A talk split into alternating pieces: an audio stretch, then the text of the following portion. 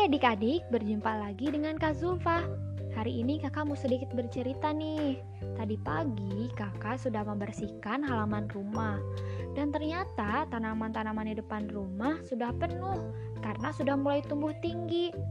Agar terlihat lebih rapi, tanaman-tanaman ini butuh tempat baru. Kebetulan kakak punya banyak botol-botol bekas. Nah, botol-botol bekas ini bisa dimanfaatkan loh untuk membuat pot gantung Penasaran kan bagaimana caranya? Yuk simak podcast kali ini.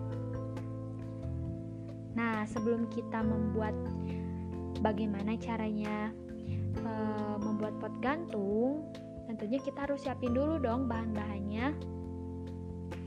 Yang pertama, kita siapkan botol plastik bekas, kemudian pita perekat, gunting, kayu pipih, tali, dan yang terpenting adalah tanaman. Bagaimana cara membuatnya? Pertama, kita potong bagian bawah botol. Kemudian, rekatkan pita perekat ke sekeliling bagian yang dipotong. Usahakan sedikit lebih bawah ya. Yang kedua, buat empat lubang di bagian berperekat.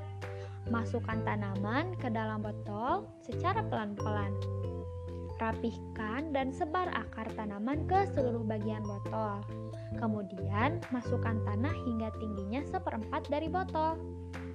Yang ketiga, masukkan tali plastik ke dalam lubang dan sudah selesai. Eh, ada sedikit yang lupa nih.